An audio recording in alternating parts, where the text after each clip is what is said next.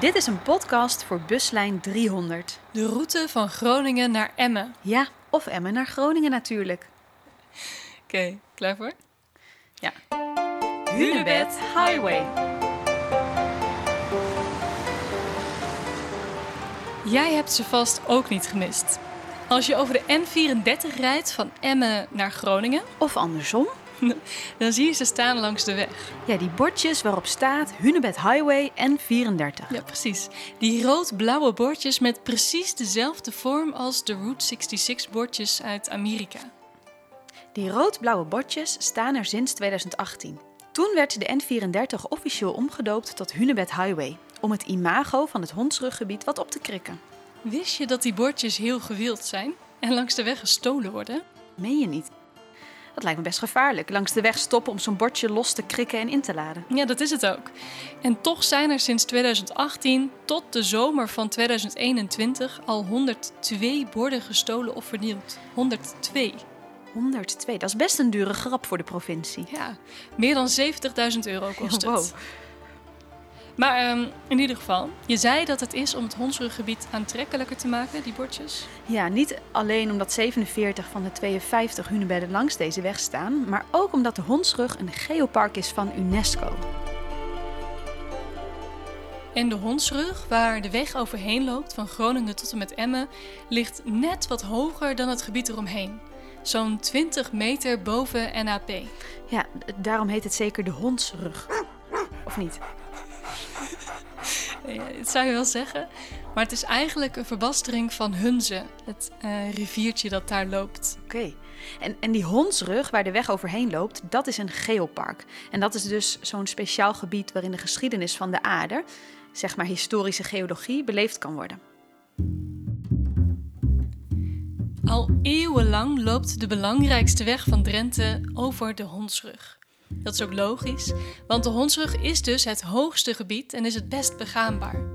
Tegenwoordig mag je met 100 km per uur over deze weg van ongeveer 60 kilometer lang en ben je er in een uurtje overheen. Vroeger deed je daar een dag over. Ja, want nu hebben we een snelle bus met rubberbanden en behoorlijk wat pk's onder de motorkap. Maar meer dan 100 jaar geleden ging het openbaar vervoer per koets. Met twee paardenkrachten. Tenzij een heuvel op moest, dan werden er drie paarden gebruikt. Je had koetstaxis met een vaste standplaats, zoals de huidige bushaltes, en eh, postkoetsen waar ook passagiers op werden meegenomen. Dit was alleen niet ideaal, want de mensen moesten wel helemaal reizen naar de plaats van waar de koets vertrok. En er werden ook omnibussen bedacht. Ik denk bij een omnibus dan zelf meteen aan boeken, waarin meerdere delen zijn gebundeld in één boek. Maar een omnibus kan je eigenlijk heel letterlijk nemen. Een bus, nog wel voortgetrokken door paarden, die veel mensen tegelijk kon vervoeren. Een soort voorloper van de bus zoals we die nu kennen. Trouwens, stel je daar niet al te veel bij voor. Want zo'n omnibus had geen schokdempers, de wegen waren onverhard. De bussen waren traag, duur, veroorzaakten ongelukken, overlast en ook vervuiling. En bij vervuiling, dan denken wij meteen aan uitlaten en gassen. Maar hier ging het echt om vervuiling door de vele uitwerpselen. De mest. Ja, van al die paarden die telkens dezelfde routes aflegden. Ook langs de Hunebed Highway reed zo'n omnibus. Natuurlijk heette de weg toen nog niet Hunebed Highway, maar je hebt er vast een beeld bij. Aan het einde van de 19e eeuw was er een koetsier die bekend stond als zeer geheimzinnig. Niemand kende zijn naam, maar hij was eerlijk en betrouwbaar. Hij had zijn vaste route van Rolde naar Gasselte, En dezelfde route weer terug. zo ook op een schemerige namiddag op 13 januari 1891. Het was koud en de dag daarvoor had het flink gesneeuwd. De wegen waren niet overal verhard en de paarden hadden moeite om de bus door de modder voort te trekken.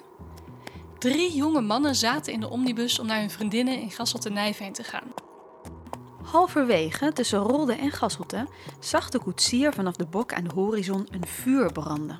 Dat moet wel het huis zijn van Albert, dat daar brandt. dacht hij bij zichzelf. Hij deelde zijn waarneming met de drie jonge mannen in de omnibus, die zagen niets. Ze dachten dat de koetsier op de bok te veel gedronken had of ze niet helemaal op een rijtje had. Natuurlijk deelden de jongens de opmerkelijke reiservaring met hun vriendinnen. En de volgende dag wist iedereen in Gasselt en Nijveen van de hallucinaties van de koetsier. Niemand had tenslotte een brand gezien. Diezelfde dag kreeg de koetsier hoge koorts en kon alleen nog maar in bed liggen. Hij werd steeds magerder en in zijn koortsdromen zag hij steeds een klein kistje met gaten erin. De koetsier werd steeds zieker en hij stierf in de nacht van zondag op maandag 19 januari.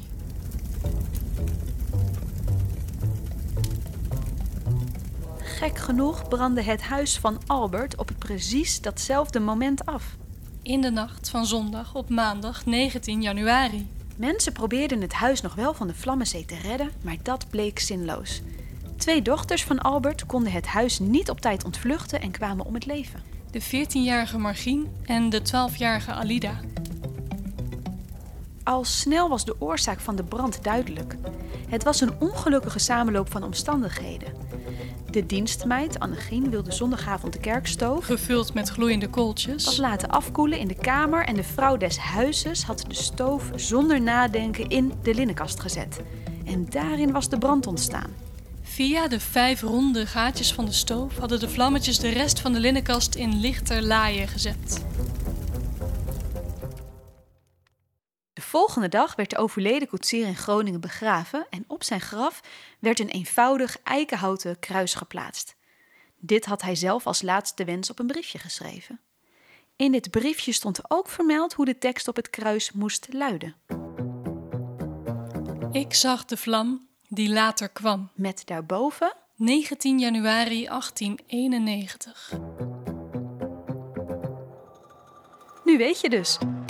Rijd je in de bus over de hondsrug en zie je in de verte een huis in brand staan, Check even bij je buurvrouw of man, of die de rook ook ziet. en hopelijk loopt het goed af in Buslijn 300.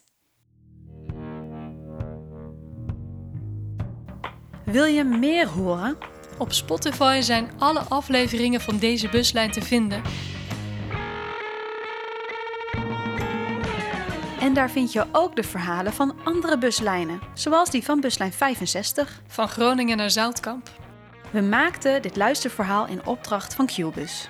De verhalen zijn geschreven door Rick Klauke en bewerkt en ingesproken door ons Theaterdocent Annelieke Knol en radiomaker Marjolein Knol.